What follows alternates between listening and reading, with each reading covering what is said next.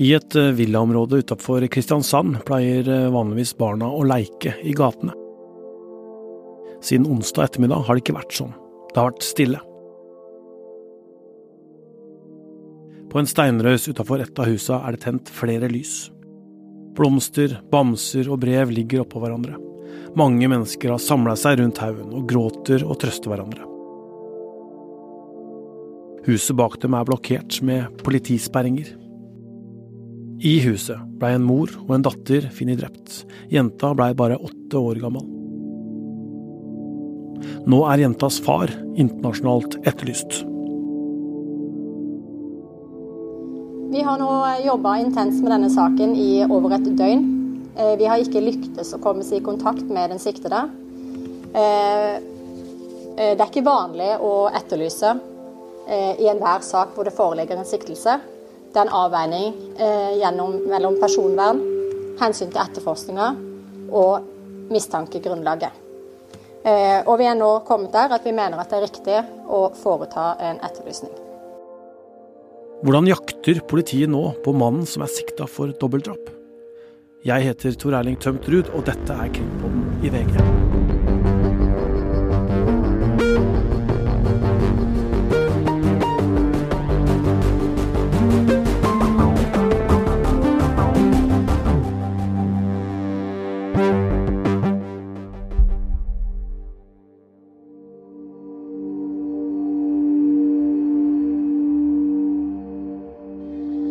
Hallo. Hei, hører du meg? Jeg hører deg. Hører du meg? Ja, og jeg har, deg, eh, jeg har lyd på deg òg.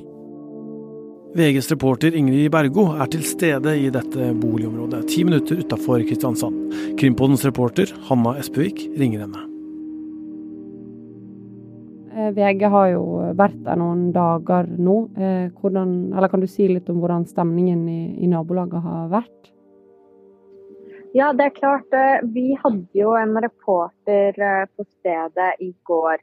Ehm, det her er da et rolig villastrøk. Det stedet hvor eh, mor og datter ble funnet drept. Og det er jo klart at folk er ordentlig rysta etter det som har skjedd. Det var mange som kom, ned, kom til nabolaget for å legge ned blomster, for å tenne lys.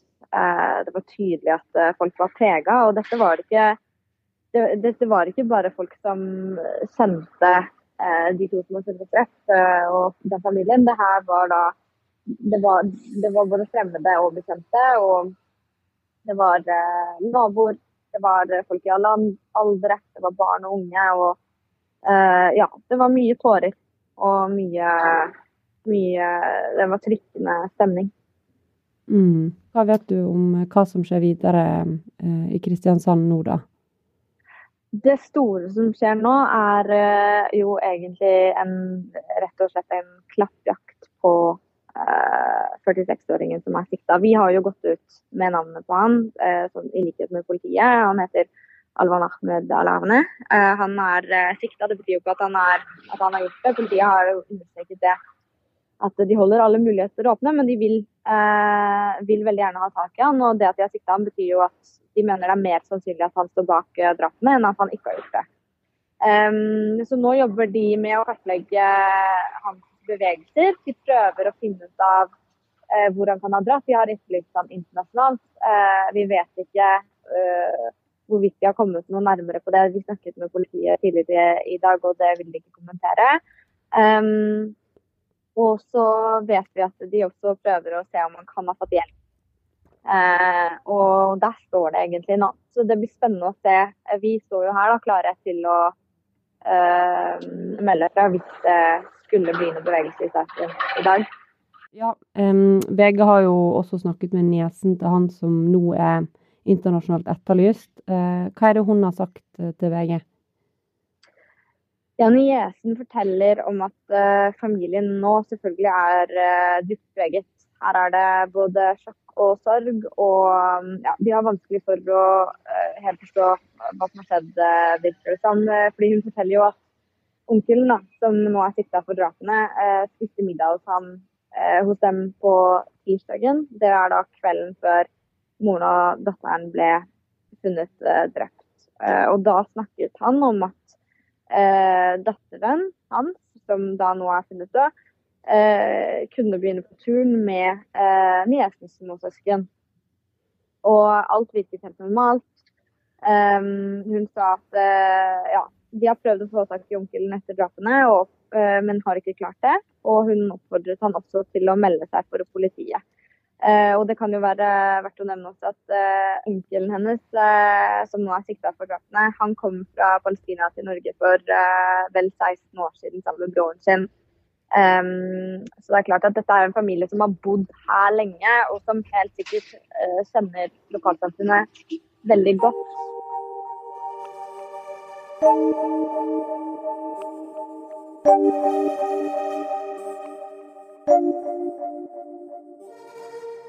Ja, krimkommentator eh, Øystein Milli. Eh, denne beskjeden om dette dobbeltdrapet fikk vi på onsdag. Det skjer jo mye i krimbildet i Norge nå for tida.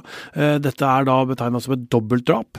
Hva tenkte du da? At nå står vi overfor det? Nei, man lurer på hva er det som har skjedd her. og I starten så vet vi jo lite, og da er det jo flere hypoteser. og Det ene er jo at det er et dobbeltdrap med en ukjent gjerningsmann, i hvert fall på det tidspunktet ukjent gjerningsmann.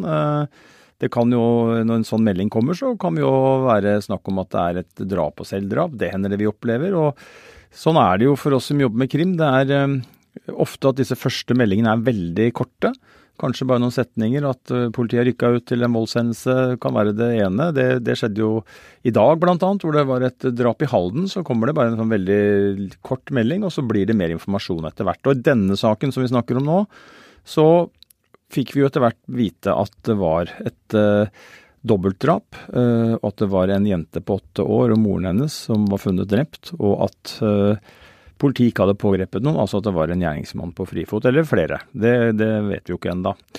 Det er jo en eh, helt ufattelig tragedie, en, en, helt grufull sak på alle vis. Heldigvis ikke så veldig ofte noe sånt skjer.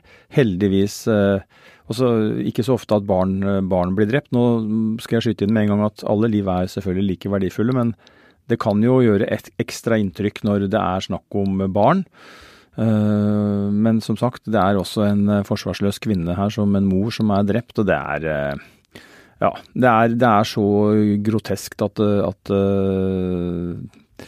det går ikke an å beskrive det. Men vi må jo da dekke det, og, og begynner jo da å jobbe med det. Jeg, VG har jo vært tett på denne saken er i Kristiansand når vi sitter her. Jeg har vært på VGTV flere runder, det har vært utvikling. Eh, og vi sitter jo her nå på fredag ettermiddag, og det er ikke pågrepet noen for dette drapet. Politiet har jo da etterlyst eh, mannen som er faren til denne jenta, og mener at han står bak dette drapet. Og han er nå, i hvert fall nå som vi sitter her, sporløst borte. Ja, det er han. Og politiet ønsker jo da veldig sterkt å snakke med han. De mener at det er sannsynlig at han har en rolle eh, i drapet, eh, eller drapen ned, men de har vært tydelige på at de heller ikke kan utelukke at han ikke har det, og de kan heller ikke utelukke at det er noen eh, andre som er eh, involvert. Men han har nå i hvert fall et eh, barn som eh, er drept, og en mor som han tidligere har hatt et forhold til, moren til barnet, som da er, er drept, og han har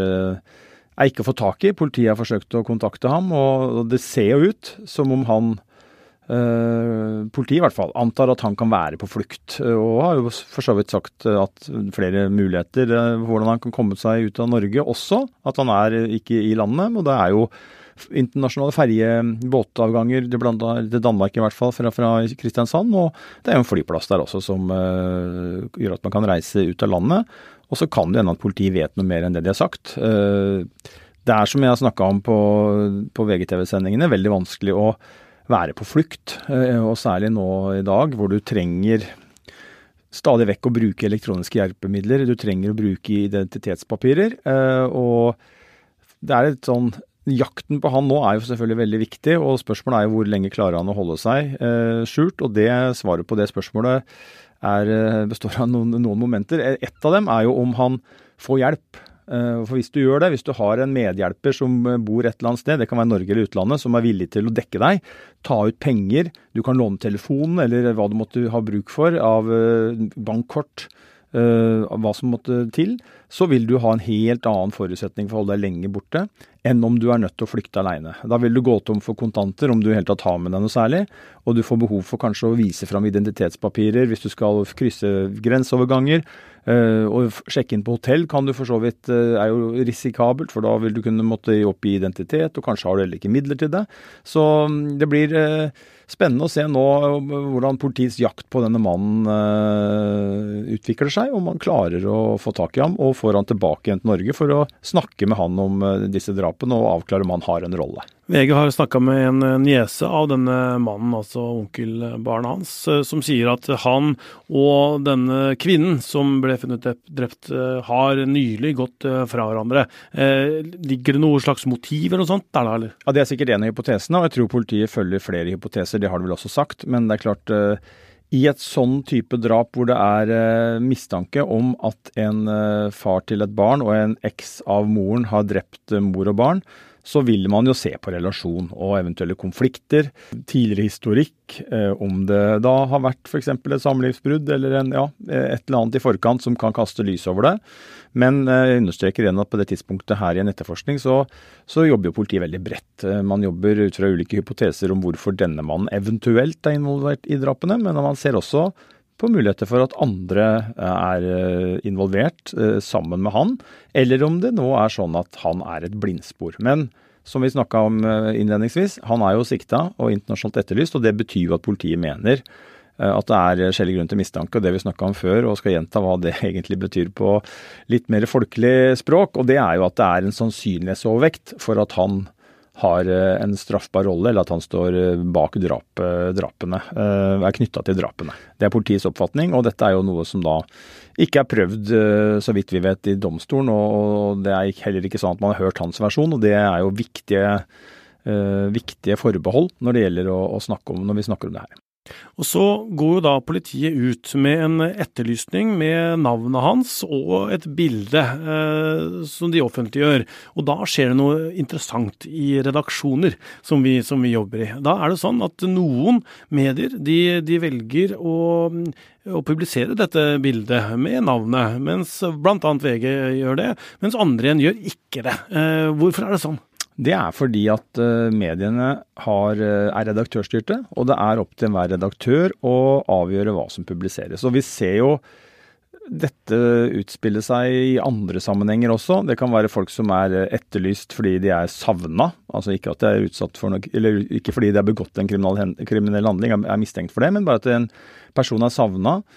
Så hender det jo at politiet sender ut en pressemelding med navn og bilde, og der er det også ulik praksis. da. Og Det gjelder også her. Eh, og Da er det jo vurderinga til hver enkelt redaktør. Og Her i VG så har vi jo da ment at uh, sakens uh, alvor, uh, store offentlige interessen og det å da At denne mannen skal på en måte bli tatt inn i avhør og avhørt om det grufulle som har skjedd, at det er viktige momenter. Og så har det trumfa da hensynet til han. Og det er selvfølgelig en fare for at han er uskyldig. og og det er jo bare å erkjenne med en gang at hvis det skulle vise seg at denne mannen ikke har noe med dette å gjøre, så har jo han blitt utsatt for noe forferdelig. Og det har jo vi i VG da, må vi ta vår del av ansvaret for, som har trykt dette her. Så, så dette er vanskelige vurderinger som redaktørene må gjøre. Ja, det dilemmaet ligger jo i at uh, hvis Eh, han er skyldig, så, så, hjelper jo da mediene eh, politiet med å spre eh, ansiktet hans rundt, sånn at kanskje publikum kan,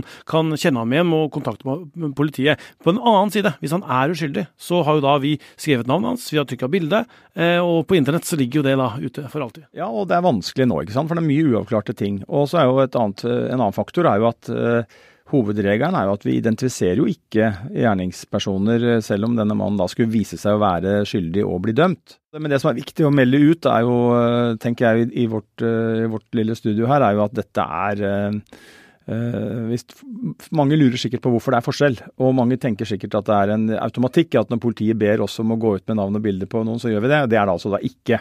Og det har vi da vært igjennom litt, og hvorfor, hvorfor det er sånn. Uh, og så kommer vi helt sikkert til å få uh, mange situasjoner og mange saker hvor vi må drøfte og opplyse og forklare de ulike valgene vi gjør senere. Vi har jo vært i kontakt med flere som eh, kjenner denne mannen, som sier at eh, han er veldig hyggelig, eh, og VG har snakka med noen som sier at ja, det virka ikke på dem som at han kunne gjøre noe slikt. Så du, du, har jo de som sier det også. Ja da, og det er, det er, det som jeg var inne på. Dette er jo fryktelig vanskelig. Det er tidlig en sak. Vi vet veldig lite. Og når vi skal identifisere noen i en krimsak, så skjer jo det veldig sjelden på et så tidlig stadie. Det kunne, Selv om vi måtte spole fram og tenker at uh, i denne saken, om, vi, om, man tenker at når vi vet alt, så kunne det hende at man identifiserte eller ikke. Det, det vet vi jo ikke da, hvordan, hvordan, det hadde blitt. Men det vi vet, er at så tidlig som det er nå, hvis han hadde blitt pågrepet uh, og, og sikta da på vei ut av Norge Eh, et, eller, eller, ikke på vei ut av Norge, men bare etter drapene, så hadde jo ikke navn og bildet hans vært ute nå. Men det er fordi at han er etterlyst og at han er på rømmen, tror politiet. Og så kjenner ikke vi hans versjon. Vi vet ikke hva, han, hva som er grunnen til at han er borte, og vi har ikke hørt hva han har å si om verken det eller anklagen om å stå bak eller være kobla til drapene på, på mor og ekskona eller eksdama si og, og, og barnet deres. Og det er jo det er jo en svakhet i forhold til disse, og, når man skal ta disse avgjørelsene. Men han er altså internasjonalt etterlyst, og hvordan jobber politiet videre nå? Nei, nå er det jo gått ut uh, i de systemene man har uh, etterlysning av han, og da skal uh, Det er jo faren for hans vedkommende at han blir stoppa et sted. Hvis han krysser en grense, viser identitetspapirer, blir stoppa i en kontroll. Så er, det jo, så er det jo sånn det er lagt ut et slags garn nå gjennom den etterlysninga som gjør at han kan gå i det. Og vi har jo lest eh, og hørt om saker eh, innimellom at folk blir stoppa f.eks. på Gardermoen og pågrepet der fordi at de er etterlyst. Og det er jo fordi at man eh, kjører da en kontroll når folk er på vei inn i Norge, og så ligger det en etterlysning der, og så pågriper politiet. Og det skjer på andre flyplasser også. Og så er det veldig viktig å si at det er stor forskjell på hvordan norsk politi har eller hvordan samarbeidet med norsk politi og utenlandske politimyndigheter det varierer veldig fra land til land.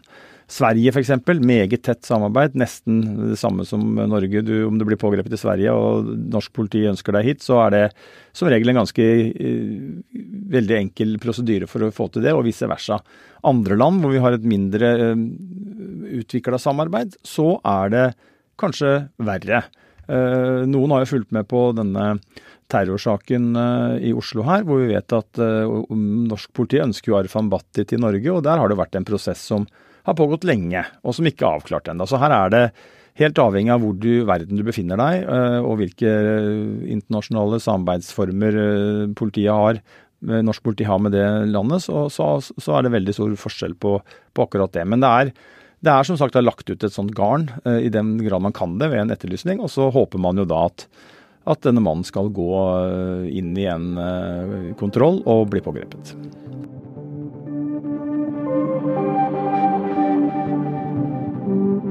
Dette er en sak som VG følger videre, og det kommer Krimpodden-episoder på løpende bånd nå. For eh, i morgen, på lørdag, så kommer det en episode om en helt spektakulær sak. Men jeg kan faktisk ikke si hva den handler om ennå. Men det kommer du som hører på til å skjønne i morgen lørdag. Og mandag så fortsetter vi da Orderud-serien vår. Flere og flere oppdager denne serien nå, som du kun hører på Podme eller via VG+. Denne ekstraepisoden er laga av Hanna Espevik. Øystein Milli, Vilde Våren, Ruth Einvoll Nilsen og jeg, Tor Erling Tømtrud, vi jobber i Krimpodden, og nyhetssjefen vår er Emilie Halltorp.